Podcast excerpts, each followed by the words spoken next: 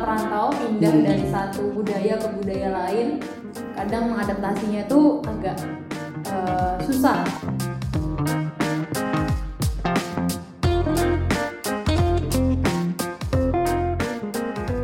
ketika perantau itu datang ke Surabaya bisa jadi standar pelajaran itu beda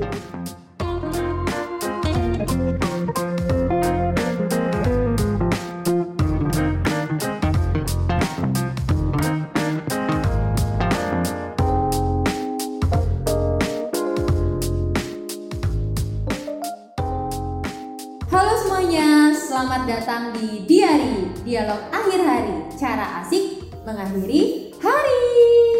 Oke, perkenalan dulu. Nama saya Gesha atau Jubaidah ya kan? Akan menemani Diari episode pertama hari ini. Hah, nggak kerasa ya, udah masuk bulan ketujuh nih. Biasanya nih yang aku tahu ya, yang aku tahu bulan-bulan segini nih kampus-kampus lagi bersiap untuk menyambut mahasiswa baru atau yang lebih dikenal maba kayak gitu. Tapi karena pandemi yang terjadi di dunia saat ini, akhirnya kegiatan eh, penyambutan sekaligus kegiatan belajar mengajar dilakukan jarak jauh.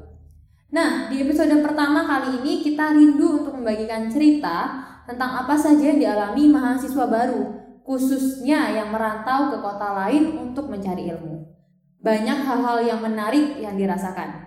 Harapannya episode pertama ini bisa menjadi gambaran buat yang mau merantau nanti, sekaligus nostalgia buat yang perantau di luar sana.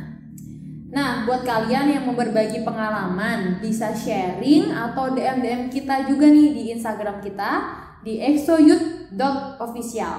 Ya, langsung aja di exoyouth.official.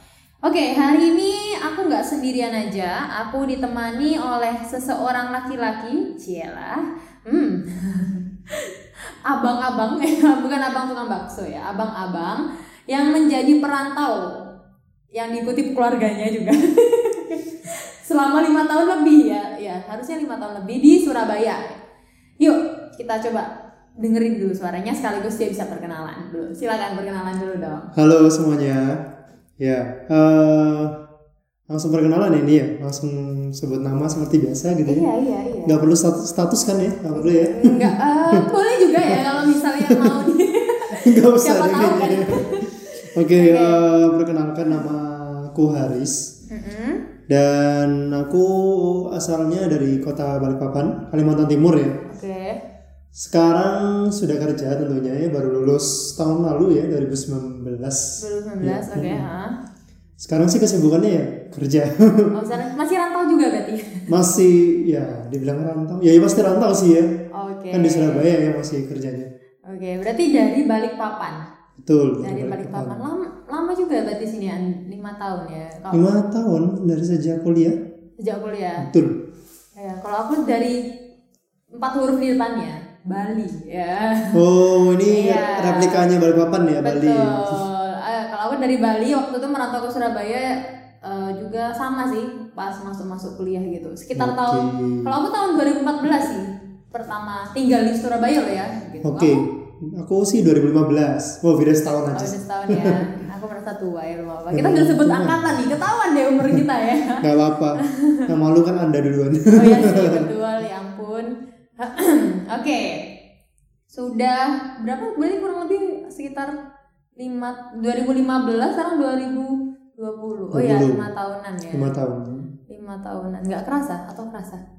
Gak kerasa sih pas sudah sel- melalui itu semua nggak kerasa ya tiba-tiba oh sudah 2020 Tapi pasti jalani kayaknya kok berat ya kapan selesainya penuh dengan kaliku ya kehidupan anak rantau ya iya kan? benar berusaha beradaptasi dan sebagainya gitu deh Oke, oke Riz. Tadi seperti yang aku jelasin di awal, Hmm. eh, di sini kita mau memberikan gambaran sekaligus nostalgia buat teman-teman perantau lainnya, Oke. ya kan? Nah, kamu pertama kali ke Surabaya itu langsung ngekos atau sudah ada keluarga? Soalnya tadi aku bilang bersama keluarga nih ke sini. Iya, iya. Nah, itu gimana ceritanya? Eh, kalau dari aku ya versi cerita aku itu awalnya aku ke Surabaya itu lo ngekos dulu sih Oh. jadi nggak langsung tinggal di rumah keluarga kayak gitu Hmm. karena memang posisinya waktu itu adalah orang tuaku masih di Balikpapan gitu kan masih tinggal di Balikpapan Ya. eh, masih punya usaha juga di sana gitu kan jadi em, awal mulanya aku kuliah itu masih ngekos gitu kan. Jadi aku disuruh merasakan hidup menjadi yang bener-bener perantau gitu ya. Sendirian. sudah tinggal sendirian orang tua nggak bareng sama kita gitu kan. Oke, sedih. ya jadi sekitar tapi cuma sekitar setahun aja sih. Kalau katanya perantau-perantau yang dari awal kuliah sampai kerja masih ngekos saya, ya, seperti seperti kamu gitu kan. Itu pasti kayak ah setahun mah nggak ada apa-apanya gitu kan. Iya, iya, iya. ya sih. aku cuma setahun sih hampir setahun sih nggak pas setahun Oh, itu hampir setahun ya, nggak pas setahun. iya betul Wah iya, nggak kayak saya nih yang sampai sekarang masih ngekos ini rupanya ya. Sampai mungkin tunggu kepelaminan loh. oh ini ini ngode buat yang dengerin ya yang merasa pacarnya tolong segera Ya ketahuan deh. Oke. Berarti pernah ngerasain satu tahun tinggal kurang lebih ya satu tahun tinggal di kos kosan. iya benar Oh ada yang menarik nggak waktu kamu tinggal atau dihantui? Waduh, dihantui jadi horor kita ngomongnya nggak nggak ini nanti jadi mistis ini Ada yang menarik nggak eh, yang terjadi pas kamu kos nih? Pas ngekos ya pengalaman yang paling menyenangkan ya pertama tentunya hal yang paling menyenangkan dalam ngekos adalah kebebasan pasti. Yang pertama tuh pasti kebebasan gitu kan. Iya, Pasti kamu kan Cia juga merasakan gitu kan. Iya. Jadi eh, kita yang dulu pas SMA atau malah dari SD dari kecil dari bayi sampai SMA kita diawasin sama orang tua. Tiba-tiba kita dikasih kesempatan untuk hidup sendirian. bertanggung jawab sendiri dengan hidup kita, bertanggung jawab sih katanya. Iya iya. Terus habis itu ternyata dikasih kebebasan saat kuliah, ya seneng banget sih. Jadi bisa melakukan hal-hal yang selama ini kita nggak bisa lakukan. Salah satunya pulang subuh misalnya. Oke iya. Tapi pulang subuhku tenang, bukan pulang subuh yang habis party. Oke. ah. Tapi habis ngobrol sama teman, nginep gitu kan. Mungkin juga main game ya, main game juga sama-sama buruk sih sebenarnya. Tapi ya lebih positif lah. Positif ya. Sampai subuh tetap positif. ya namanya juga biasa ya. Anak muda. Eh, Iya iya iya iya. iya. kebebasan. Ya satu tuh kebebasan sih. Jadi kayak ya nggak ada yang ini, nggak ada yang mengatur ya. Nggak ada yang Hmm. mengatur terus juga apalagi kalau kos cowok itu kan lebih banyak kebebasan ya. Hmm. Ibu kosnya nggak terlalu peduli gitu. Kita malah dikasih pintu, kunci pintu depan lagi. Oh jadi keluar masuk Iya bebas. langsung. Iya Bener. iya iya. Itu kan kebebasan yang sangat Iya iya. hakiki sekali gitu. Kalau Ya, aku hal itu. menariknya tuh ban mobil temanku tuh pernah dipecahin di depan kos-kosan, bayangin. Waduh. Gara-gara apa ya? Oh, gara-gara biasalah masih maba, Oke. merantau. Pasti kan kayak gerumbulan tuh dateng lah ke kos. Pernah nggak kamu datang ke Oke, kos? pernah pernah. Pernah kan? Kalau kamu main ya, iya, itu mainin tadi. main game ya kan. Kalau aku waktu itu ngapain ya? Kayak kita kumpul-kumpul gitu, mobil temanku tuh diparkir di depan. Mhm.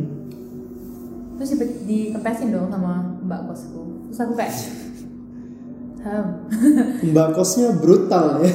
makanya dan itu mobil gitu kan nah, Oke. itu salah satu hal menarik Eh, hal menarik lainnya lainnya kamu kalau aku ya waktu pindah ke Surabaya itu nggak punya teman kamu ada teman dari sekolahmu yang lain nggak untuk Em, ada sih sebenarnya sih. Tapi mungkin karena beberapa tuh beda jurusan.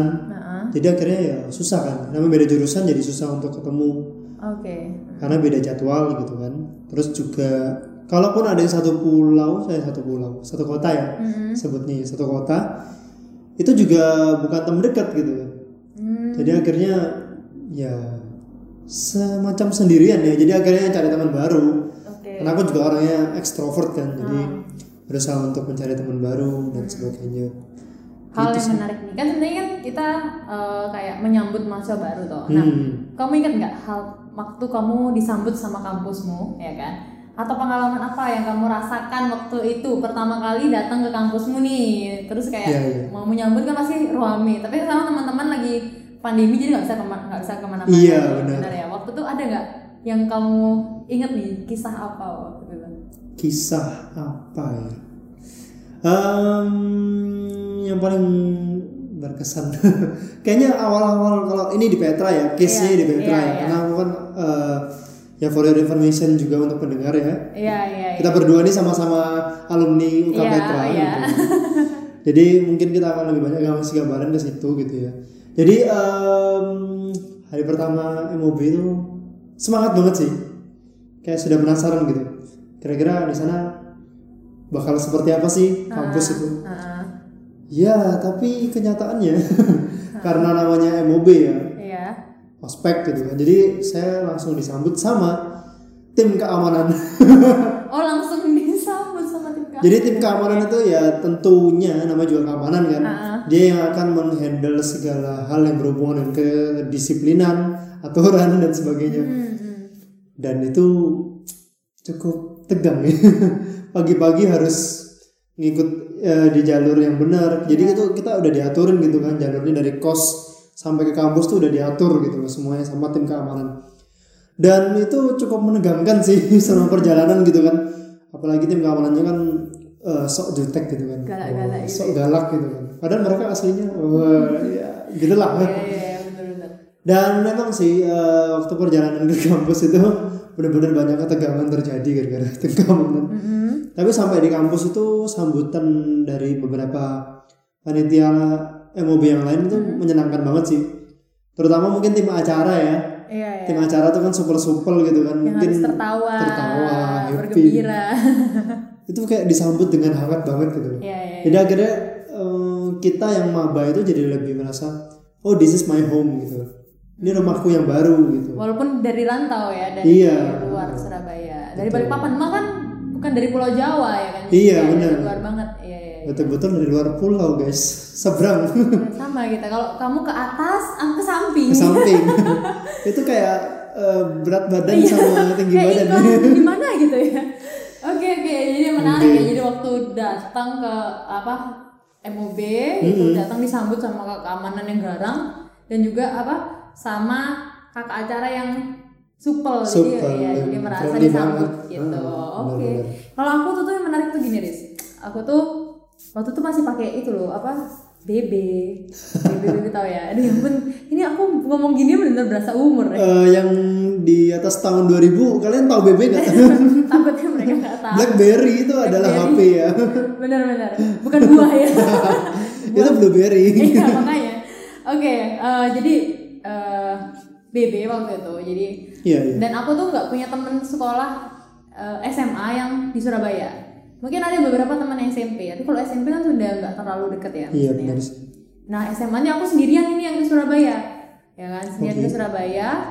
Eh, aku nggak tahu nggak terlalu tahu sama yang namanya teknologi, terus eh, Android, terus bagaimana harus masuk ke website mana aja gitu. Hmm, terus betul, akhirnya jalan lah aku. waktu itu shiftnya ada cuma satu karena kan auditoriumnya tuh nggak sebesar eh, itu menampung semua mahasiswa baru. oh, auditorium baru ya Iya, dulu masih auditorium yang lama gitu Betul ya kan. Eh, jadi ada beberapa shift gitu. Terus habis itu datanglah aku pagi-pagi Riz, jam 7 gitu. Aku jalan. Tuk tuk tuk tuk gitu. Waktu itu kalau nggak salah mau pengenalan kampus dulu. Ketemulah aku Oke. sama temanku. Eh bukan ketemulah sama satu orang di pinggir jalan, cewek gitu. oke Dengan supelnya aku kayak Halo, perkenalkan nama saya Keisha. Dari mana? Jurusan apa? Yang di mana aku tuh nggak pernah kayak gitu sebenarnya. oke Demi demi apa tau? Mendapatkan informasi. Karena aku nggak tahu kayak Iya, iya, iya. ini tuh bener apa enggak. Terus akhirnya jam 7 pagi itu akhirnya ternyata di kita sama-sama anak eh, jurusan yang sama. Terus dia bilang lu enggak enggak sekarang. Kita nanti jam 11 aku langsung kayak puji Tuhan ya aku bertanya. Kalau enggak. Kalau enggak kayaknya. Aku udah datang ke kampus terus ikut jurusan lain gitu loh maksudnya. Itu lebih malu lagi sih. Iya kan lebih malu lagi. Nah, daripada iya. gitu. Jadi itulah yang pertama kali aku kayak itu kayak teman pertamaku sih jadinya. Teman pertamaku Oke. di eh, kampus waktu itu. Waktu itu kamu dapetin teman sendiri gak susah atau Ehm, waktu itu eh, juga sama sih. Hampir mirip ceritamu juga sih sebenarnya. Oh ya? Jadi mungkin ya tapi sama-sama orang luar pulau sih. Iya iya iya. Akhirnya ya mungkin karena sama-sama orang luar pulau ya jadinya ngomongnya tuh bisa nyambung gitu. Mm-mm. ya jujur aja aku memang sudah banyak kenalan sama banyak orang. Mm-mm. tapi tentu aja kan namanya eh, mungkin berkenalan dengan banyak orang mungkin hanya ada satu yang betul-betul langsung jadi teman yang benar-benar akhirnya selama MOB itu bareng gitu kan. Iya, iya. ya itu itu juga sama sih mirip sama ceritamu. Awal mulanya ya kenalan random aja gitu kan. Dari sekian banyak orang yang kenal gitu kan. Semua tuh hampir sama gitu kan habis kenalan udah awkward gitu. Kayak em iya. oh dari Balikpapan oh oke. Eh, eh mau dulu deh apa sih? Oke, oke. sampai akhirnya satu ketemu satu orang yang sama-sama dari luar pulau juga. Ah, bedanya aku Kalimantan dia Sulawesi gitu kan. Oke, ah. ya akhirnya karena sama-sama luar pulau ya. Sepe, seperjuangan mungkin dia. Akhirnya oh iya iya, akhirnya nyambung gitu ngomongnya. Akhirnya dia jadi teman pertamaku juga gitu kan. Yang akhirnya menghabiskan bahkan sampai lulus gitu. Sampai lulus tuh bareng sama dia gitu kan. Oh, Oke, oke. ya itu karena memang nyambung dan akhirnya ada topik yang bisa dibahas karena kita sama-sama dari luar gitu kan Iya, betul. Kayak gitu. Kayak nyobain, oh ini baru ya kita cobain. Nah, iya kayak gitu kan. Kan kalau sama-sama dari luar kan nggak malu kan. Iya. Nyobain sesuatu yang baru yang orang Surabaya mungkin atau mungkin orang-orang Jawa Jawa ya. Itu kan udah biasa. iya, betul banget. Kayak aku pertama kali, aku nyobain pertama kali Starbucks tuh di Surabaya. Kayak mungkin kamu kaget juga ya. Padahal aku di Bali. Oh iya juga ya. Bali itu kan ada Bali kan- Starbucks ya. betul ya, tapi nggak tahu, nggak terlalu suka, nggak terlalu suka nongkrong di kafe kayak Starbucks gitu. Kalau di Bali lebih sukanya Mungkin yang belum, ya. beda kali Hmm, ya, beda. kafenya beda. Nah pas Surabaya diajakin ke Starbucks nih, beli apa? Aku cuma ngeliatin. Matangku aku nggak ada yang tahu. Mau nanya sungkan karena kan Iya, waktu itu iya, kayak iya. nggak deket, terus baru kenal gitu Iya ya. bener sih, malu banget sih kalau. bener dong kalau terus akhirnya aku beli kue cake coklat dan itu manis banget dan aku tidak akan membeli itu lagi Penyesalan. Gak apa-apa. eh, semua case di Starbucks pertama kali itu sama kok. Salah pesen. Salah pesen. Kayak kita perlu bikin podcast sendiri tentang Iya, kayaknya- Starbucks gitu ya. Bagaimana pengalaman orang-orang salah pesen Starbucks gitu ya? Iya, aku dulu nggak ngerti americano itu apa. oh iya. Americano nggak ngerti itu apa gitu kan. Ternyata itu kopi pahit gitu kan. Oh iya kita memang kayaknya eh, atau karena kita perantau loh? Enggak enggak enggak Enggak, itu mungkin mungkin karena saya yang kurang banyak wawasan Iya, iya mungkin kita pas di kota masing-masing kurang jauh mainnya. Iya kurang jauh mainnya di Surabaya terlalu jauh loh. Terlalu jauh. Jangan sampai. Jangan sampai begitu. Oke oke balik lagi ini kita ngomongin Starbucks nih jadi pengen dengan kopi ya kan. gitu jadi ya itulah kayaknya itu pengalaman pertama ya jadi kita Hmm, bener. ya harapannya teman-teman yang eh, apa MOB waktu pandemi ini juga bisa merasakan sedikit lah ya serunya Iya. struggle-nya gitu. Semoga mereka berani lah walaupun secara online tetap ikut merasakan interaksi. Iya, betul. Menurutku sih eh, meskipun online justru kalian di situlah harus berusaha untuk bersosialisasi dengan teman-teman baru kalian sih. Menurutku gitu. Betul banget. Apalagi eh, aku dulu yang nggak pernah namanya mintain nomor HP orang gitu ya. kan kayak malu ya minta nomor HP orang. Iya, benar, kalau benar. ditolak rasanya tuh kayak ditolak cinta gitu loh. Iya, benar-benar. Tapi kemarin aku, aku awal maba terus MOB itu benar-benar berani mintain pin BB orang dong. Oh, Pin. BB-nya apa? Biar aku tahu kalau ada informasi. Kita ini cuma beda setahun kan ya. Iya. Tapi kenapa kamu zaman BB zamanku Android ya? Atau saya yang salah ya di sini. zamanku tuh sudah kayaknya udah line deh. Oh ya? Iya, oh, udah grup line. Oh, oke.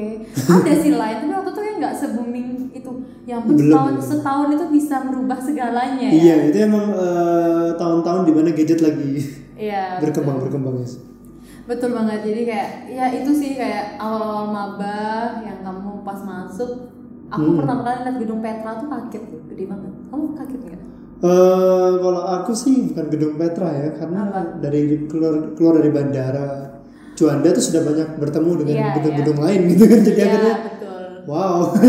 Tapi mungkin kalau yang dari Jakarta ke Surabaya nggak bakal kaget kali. Beda mungkin pendapatnya kayak Surabaya gini aja. Oh, iya, gini nggak bercanda doang kan aku juga nggak pernah ke Jakarta.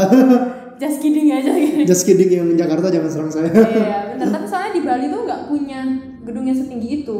Iya. Nggak tahu sih di Balikpapan juga ada nggak? Balikpapan terakhir aku ke sana sih belum ada ya. Oh, yang sekarang tinggi-tinggi ya. banget. Mungkin Kapan sekarang udah terakhir kali ke sana kamu?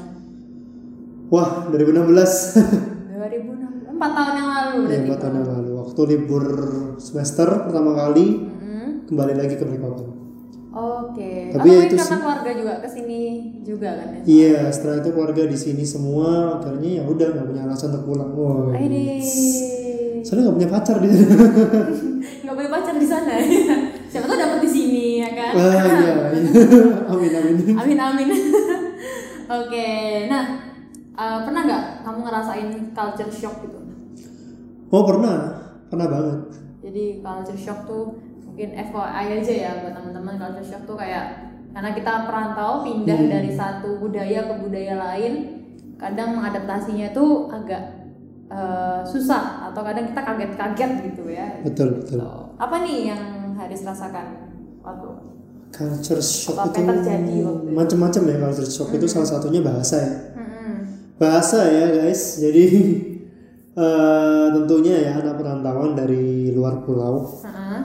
mereka kebanyakan tidak bisa berbahasa Jawa Ya, salah satunya aku ya. jadi em, waktu pertama kali ke Surabaya di hari pertama MOB kenapa tadi aku juga bilang segitu banyaknya aku kenalan sama orang tapi kok ujung-ujungnya cuma akrab sama yang luar kota aja ya Iya. Ya karena bahasa sih salah satunya. Jadi eh, semenjak aku di Surabaya aku ngeliat sih bahasa Jawa tuh sangat mempersatukan banget gitu kan. Hmm, Ketika orang sudah ngerti sama-sama bisa bahasa Jawa, mereka jadi lebih memahami satu sama lain gitu. Nah, sedangkan kondisi aku itu adalah orang luar kota. Mungkin satu sisi eh, aku sebagai orang luar kota juga bingung mengerti bahasa dari orang-orang asli dari Pulau Jawa. Ah, Oke, ya. Dan sedangkan orang Pulau Jawa juga mungkin bingung.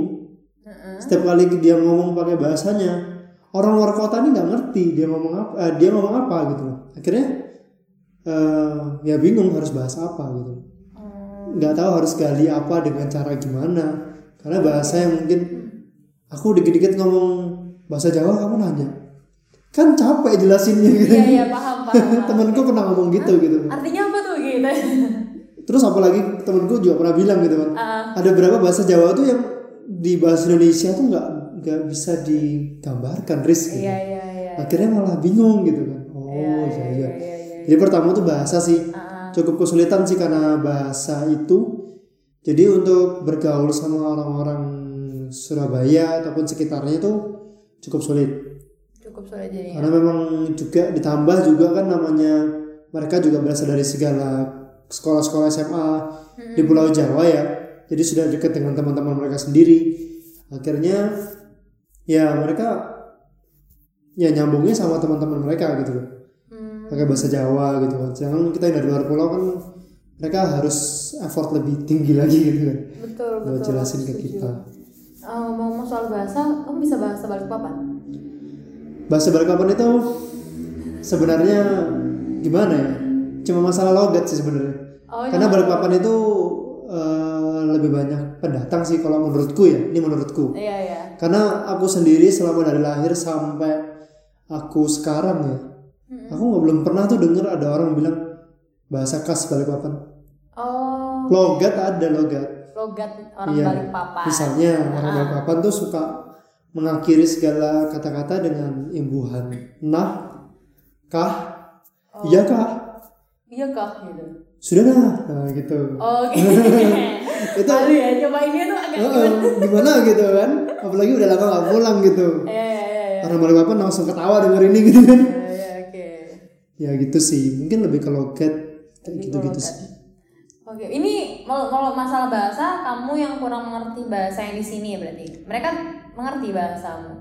mungkin karena orang Balikpapan pakai bahasa Indonesia ya Cuma tambahan logatnya aja. iya cuma tambahan logat aja Oh paling ya, tapi kalau orang Surabaya khususnya itu kan ada bahasa-bahasa yang memang berubah ya kayak betul eh, apa ya contohnya? Oh, tiba-tiba bener misalnya ini aja bisa bisa. di sini jadi iso Ya, ya, ya, iso, iso, iso. aku tidak bisa bahasa Jawanya aku ora iso Iya, oh, gimana guys ya? bahasa Jawaku Sudah jago nih sepertinya. Kayak nggak perlu jauh. setelah bertahun-tahun terjebak di sini Setelah bertahun-tahun kebingungan ya dengan semua bahasa-bahasa. benar benar benar Iya, iya, iya. Oh, kok iso ya gitu ya? nah iya benar tuh dan paling gampang itu ada satu kata paling gampang yang paling bisa dimengerti Heeh. seta itu gampang Iya, banget iya, iya, iya, iya, iya. oh itu sebentar artinya pasti Jadi selama ini kamu kayak menerka-nerka mereka tuh konteksnya ngomongnya apa gitu. betul konteks aku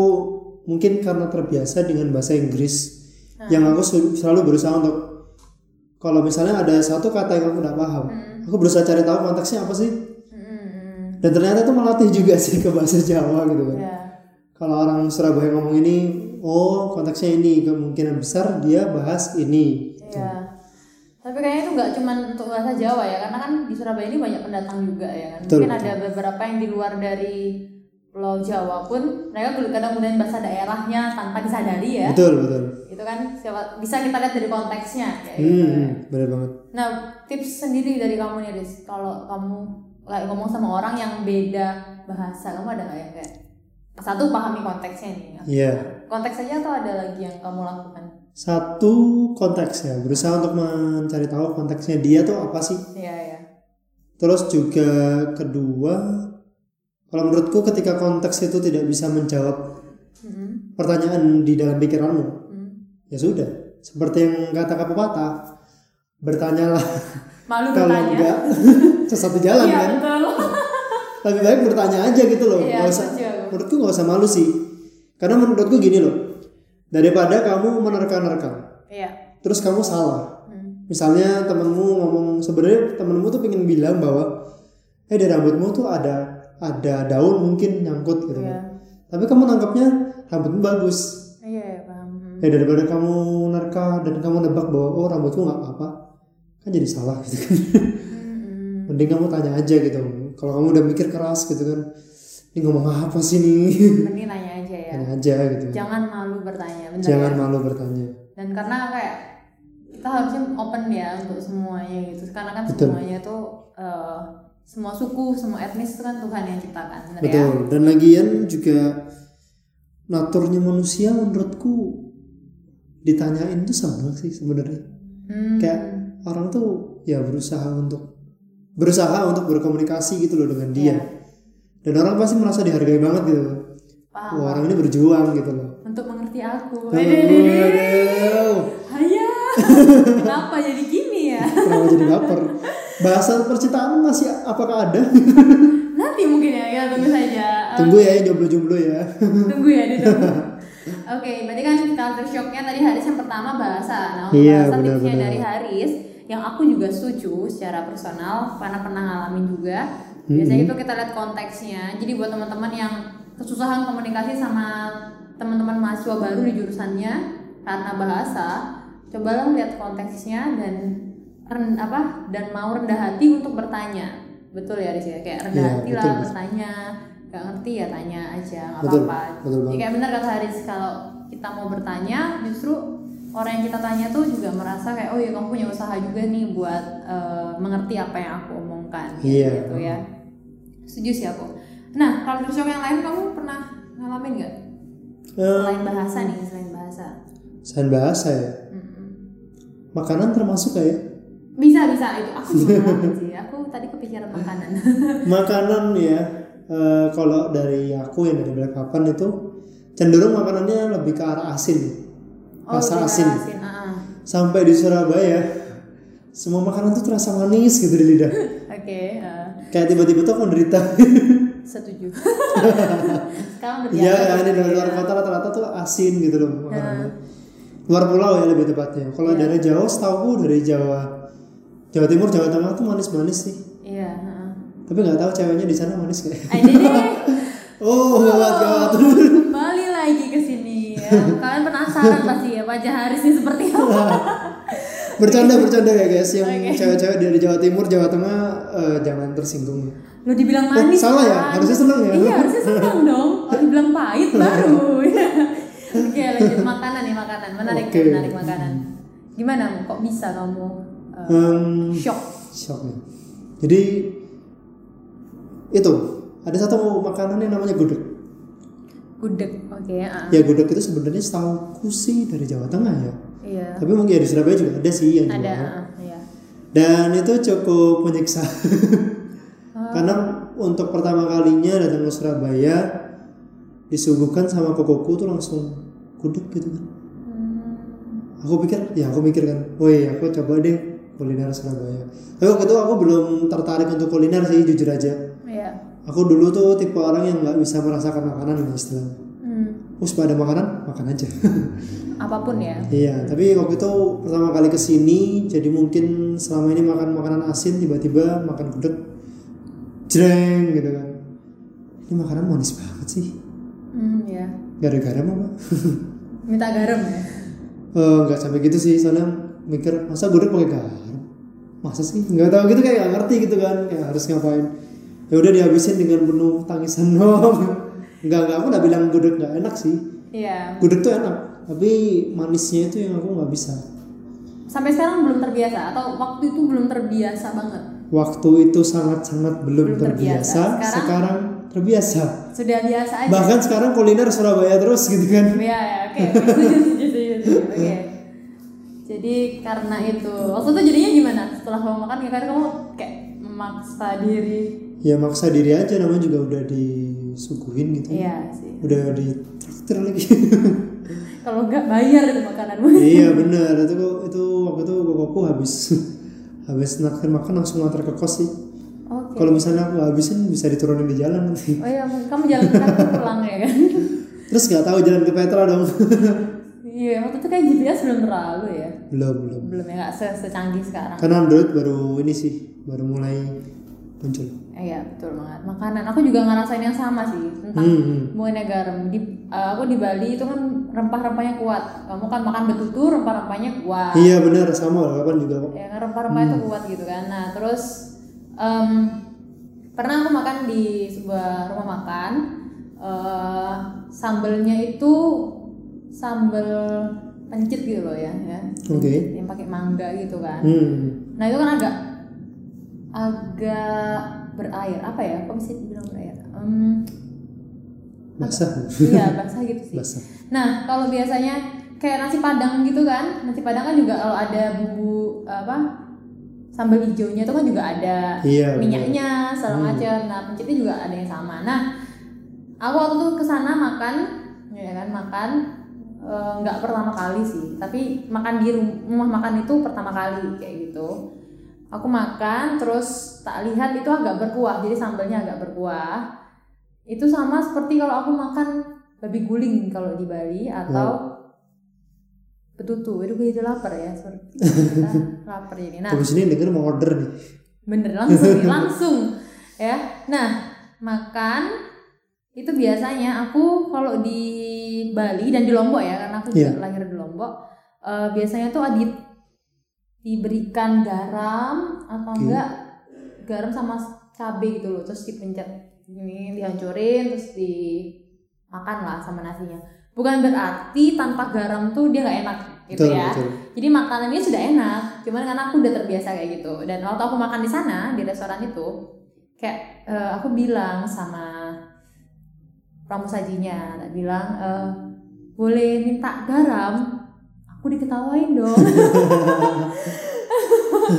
Dia beneran ketawa di depan mukaku, gue kayak ketawa. Ini orang garam ya? Iya garam, garam yang asin itu kan. Kayak, duh aku tuh menyesal. Setelah berbicara meminta garam. Karena ya balik lagi tempat asalku sudah biasa. Kalau aku minta garam bukan berarti sekali lagi bukan berarti makanannya nggak enak loh ya. Iya iya karena emang udah biasa aja kalau makanan yang berkuah apalagi sambel itu kasih garam gitu. Justru mengurangi Hmm, pedesnya sih. Enak iya, aja benar, sih aku. Nah eh, ah, setelah itu waktu aku minta baliklah aku ke meja makanku kan. Oke. Datanglah tuh pramusajinya tap tap tap tap tap.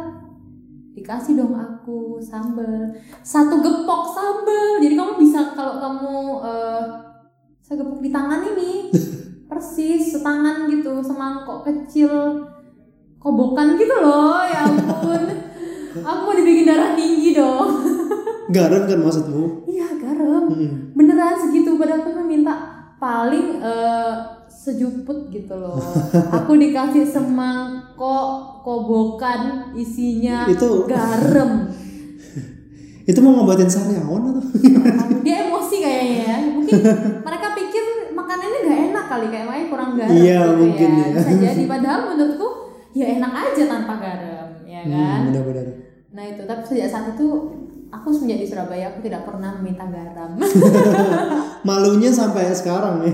Betul, ini bener-bener aku ingat banget soalnya kayak setiap datang ke sana tuh aku berharap dia lupa sama muka aku. Harusnya lupa sih. Kecuali dia foto gitu kan. Iya, ya, gitu. ya, itu soal makanan ya, itu culture Iya, shock iya, ya. benar-benar. Ada lagi nggak Riz culture shockmu? Culture shock apa lagi ya? Kalau aku mungkin lebih ke budaya berpakaian kali ya. Kalau di mall ya. Mm-mm. Kalau balik papan itu nggak tahu sih ini perasaanku aja atau gimana. Tapi seingatku dulu di di balik papan ya, aku tuh ingat banget. Aku kan aku tuh juga pernah ya ke Surabaya waktu aku SMP itu juga pernah ke Surabaya juga liburan gitu. Eh, jadi aku sempat lihat eh, koko-koko Surabaya, cici-cici Surabaya itu ya udah eh, jalan tuh celana pendekan, kaosan, udah gitu aja gitu loh, santai aja gitu kan. Budaya itu sempat aku bawa ke Balikpapan waktu aku SMP aku berusaha untuk jalan-jalan ke mall dengan ya udah. Santai. ke koko Surabaya santai aja gitu kan. Berarti kamu balik nih dari Surabaya dibawa ke Balikpapan. iya dulu pas aku masih SMP itu. Oke, eh, dan waktu itu inget banget aku temanku itu negur aku kamu kok eh, mau jalan-jalan nggak niat banget sih pakaiannya? Hmm, aku tuh bingung gitu kan. Kalau aku kaosan celana pendek celana pendeknya tuh yang denim denim gitu. Iya iya. denim terus eh sendalan gitu kan. Kalau ini gembel kamu mungkin harus ke bukan aku bilang pakaiannya gembel sih maksudnya eh, mungkin karena celana pendek dan kawasan itu mungkin di Balikpapan tuh kayak Terkesan santai ya. terkesan santai banget kayak mau di pantai gitu Iya. kan harusnya at least ke mall pakai celana panjang gitu mungkin ya karena emang di sana tuh rata-rata aku lihat temanku waktu itu teman jalanku rata-rata celana panjangan gitu Oke. dan aku herannya kenapa jadi masalah gitu kan sedangkan orang di sini loh santai-santai aja ya gitu sih itu salah satunya tuh berpakaian Pakaian ya. Gitu. Jadi kayak banyak ya. Jadi dari makanan, terus dari bahasa, dari pakaian tuh mengalami Hmm. culture shock. Yang gimana gak culture shock ya? Karena memang budayanya dari satu tempat di tempat lain tuh berbeda. betul Betul banget. Dan harapannya sekali lagi ini bisa menjadi gambaran buat teman-teman yang setelah pandemi ini malah merantau ya, entah ke Surabaya atau ke tempat lain dari Surabaya ke tempat lain Iya, ya. iya. Pasti bahasanya beda, pasti eh, makanannya juga beda dan pasti gaya hidup ya bisa jadi gaya hidup kan? sih mungkin lebih ke gaya hidup ya Beda, bener banget. Nah, eh, Haris pernah nggak kamu ngerasain homesick gitu? Kamu cuma setahun kan? Nggak sampai setahun. Pernah nggak? Nggak sampai setahun itu ngerasain kangen banget rumah nih, pengen pulang aja rasanya. pernah sih Oh pernah. iya pernah dong jadi aku sempat pulang ke Balikpapan tuh gara homesick waduh baru baru satu semester gitu ya udah homesick aja dan itu baru permulaan sih. Itu kan baru satu semester. Hmm. homesick. Setelah itu aku nggak pernah pulang. Ke Balikpapan. Ya. itu homesick berat. Jadi kayak mengingat sering nostalgia gitu loh. Ingat dulu di Balikpapan tuh ngapain. Terus juga di Balikpapan kan ada pantai tuh. Iya. di Surabaya ada sih katanya teman-temanku. Kenjeran. Iya, yang jauh oke di sana. eh, Kenjeran itu pantai atau bukan? Iya. ya jadi kayak em, banyak hal yang di kampung halaman tuh kangen gitu lah suasananya terus juga teman-temannya juga gitu kan. Ya homesick itu pasti terjadi sih kalau menurutku. Apalagi aku yang gak pernah pulang. Kayak gitu sih pasti. Iya pasti. Semua orang pasti akan mengalami homesick pada saatnya. betul. Hmm. Oke, nah susah nggak? Eh, karena kan ini masih yang mahasiswa baru mau merantau. Nah susah nggak sih jadi anak rantau semasa kuliah? Nah kan kamu udah kerja, jadi kan saya Hmm. kamu ceritain. Susah nggak jadi anak rantau semasa kuliah? Hmm, susah susah-susah gampang serba salah ya susahnya itu adalah ini aku ngomong dalam bidang akademis ya Hmm. Jadi eh, ya seperti yang harusnya kita sudah tahu Indonesia tuh punya pendidikan masih belum merata jadi misalnya di sebelah barat Sumatera mungkin Jakarta itu mungkin pendidikannya sudah maju banget Hmm. termasuk Surabaya menurutku pendidikannya sangat-sangat udah maju pasti. Sedangkan ketika eh, perantau itu datang ke Surabaya, bisa jadi standar pelajaran itu beda. Ambil salah satu contoh adalah kalkulus. Wah, sorry ya, kok tiba-tiba nyebut eh, makanan haram ini.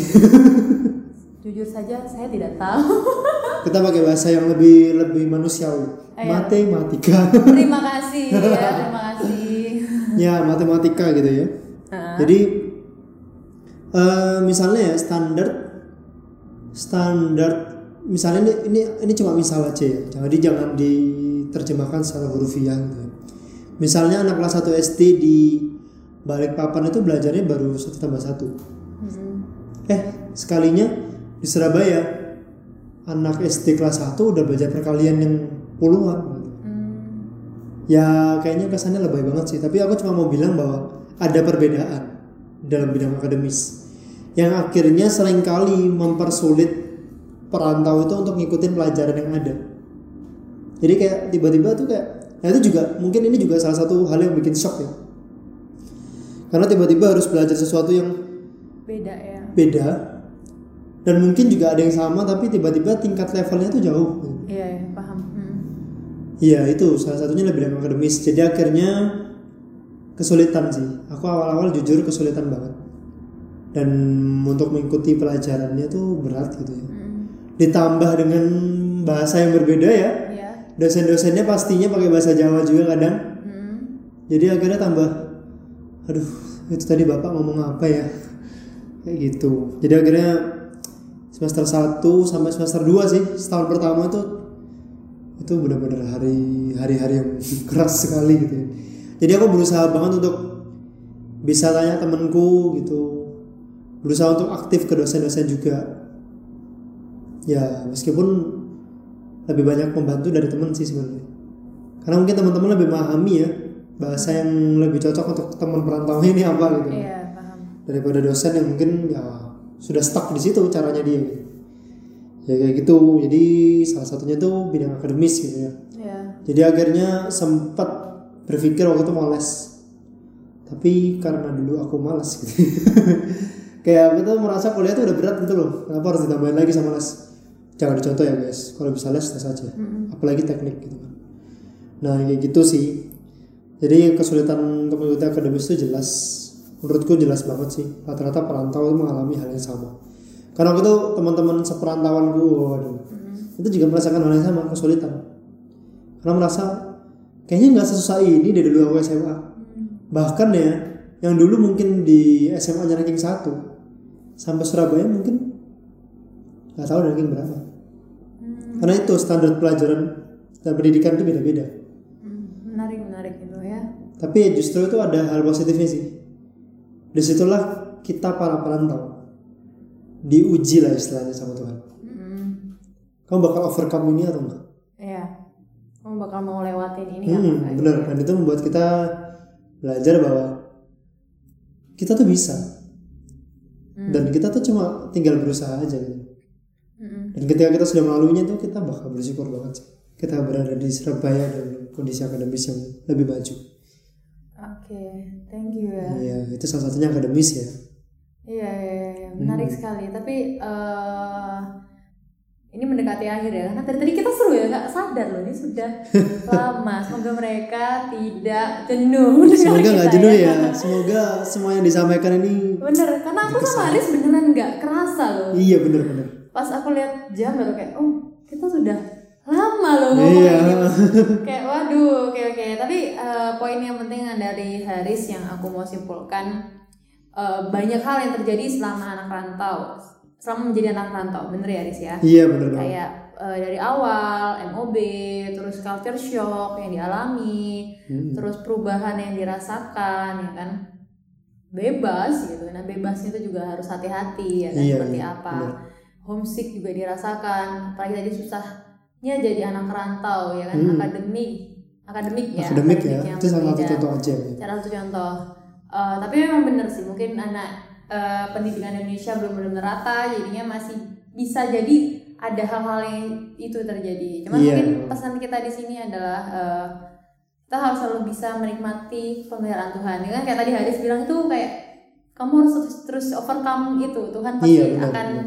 Apa jagai gitu misalnya Betul. Tuhan pasti akan bersama-sama walaupun mungkin waktu itu rasanya berat banget berat banget ya kan? bener bener, banget berat banget ini nggak ngerti ini aku juga punya be- beberapa temen yang dari perantau juga Hmm. yang nggak ngerti aku juga anak rantau yang kayak aduh ini harus di eh, tuntutannya tuh gede banget gitu ya Iya, kan apalagi di iya. kota besar ya Hmm. Nah, tuntutannya besar banget gitu. Jadi buat teman-teman yang eh, apa yang mau merantau gitu atau yang sudah merantau harus selalu mengingat lagi bahwa Tuhan tuh selalu memelihara kita. yes Benar bener. Tuhan selalu memelihara kita dan kata kuncinya kalau dari aku sih berserah aja gitu. iya betul Lakukan do your best di semasa kuliah ini. Hmm. Eh, do your best kayak tiba-tiba udah 4 tahun.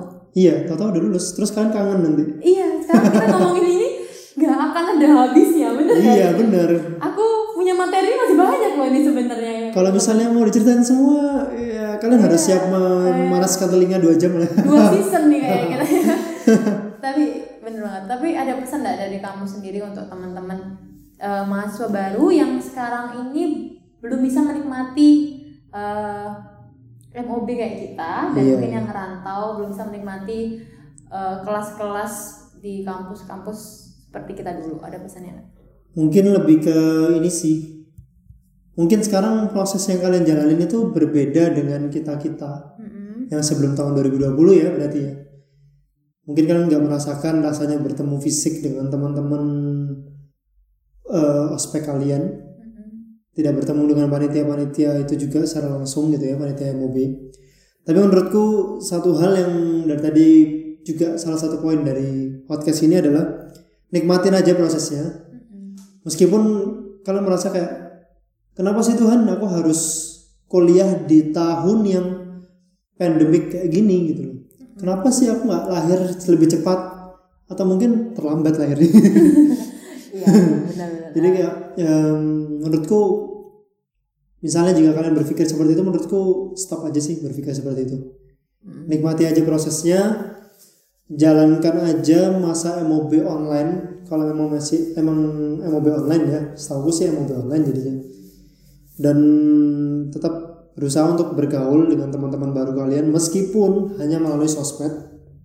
Menurutku sosmed tuh jadi salah satu yang mempersatukan kita dalam kondisi kayak gini. Pakai semua media yang ada untuk men- mencoba untuk bergaul satu sama lain. Dan jangan lupa tetap berdoa juga tentunya.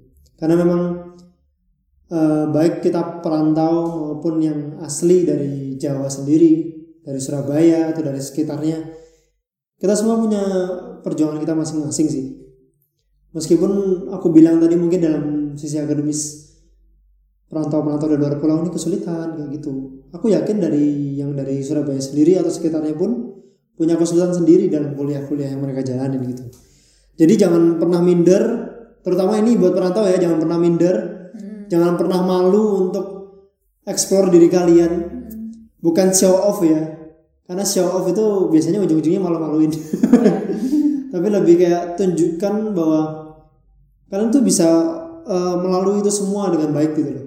Kalian bisa melampaui semua yang ada apa pun halangan yang ada di depan kalian. Menurutku itu sih karena aku sudah melalui banyak rintangan dan itu menurutku ketika kita sudah di akhir nanti wow aku tuh bisa gitu itu sangat menjadi sebuah ucapan yang ucapan syukur yang sangat besar sekali sih. Ya itu sih. Jadi menurutku do your best. Bener banget kata Cia tadi do your best. Pokoknya jangan minder jangan pernah ngikutin gengsi juga. Nggak usah malu dengan diri kalian sih menurutku. Jadilah diri kalian sendiri di kota perantauan kalian. Jangan pernah berpikir aku harus jadi seperti dia aku harus jadi jadi seperti dia jadilah seperti yang seharusnya Tuhan tentukan dirimu siapa Ya, menurutku kayak gitu setuju banget menikmati setiap prosesnya Mm-mm. eh, karena setiap dari kita pasti dipelihara sama Tuhan. betul ya. betul banget Apalagi walaupun di tengah pandemi seperti ini tetap menikmati prosesnya, tetap berjuang karena ini iya adalah satu fase perkuliahan adalah satu fase yang menurutku merubah hidup kalau kamu mau menjalaninya dengan sungguh-sungguh dan benar-benar eh, berserah pada Tuhan ya. benar benar banget Untuk menutup ini semua, aku akan memberikan sebuah eh, ayat yang aku pegang juga selama Hmm. masa kuliah terambil di 1 Korintus 15 ayat 58. Karena itu, saudara-saudaraku yang kekasih, berdirilah teguh, jangan goyah, dan giatlah selalu dalam pekerjaan Tuhan. Sebab kamu tahu bahwa dalam persekutuan dengan Tuhan jerih payahmu tidak sia-sia. Walaupun kita dalam prosesnya kita tetap terus uh, punya hubungan yang erat sama Tuhan Yes, agar benar kita bisa menjalaninya seberat apa pun. Mungkin kita juga belum sempat ceritakan apa yang menjadi benar-benar pergumulan kita ya. Hmm, benar benar. Tapi di saat di titik ini kita bersyukur karena Tuhan sudah memberikan kita kesempatan uh, melewati semua proses itu. Dan Iya. buat teman-teman maba yang baru akan mulai tetap harus semangat uh, karena kami yakin dan kami juga percaya. Kami tahu pasti. Aku sama Aris tahu pasti Yes, bahwa yes, Tuhan benar. selalu bersama-sama sama kita. Ya. Amin. Oke, uh, sekian episode pertama hari ini. Uh, aku harap uh, aku dan Haris harap Hmm, ya. episode ini bisa menjadi berkat buat kalian. Sampai jumpa lagi di episode selanjutnya. Oke, God bless you guys. God bless you.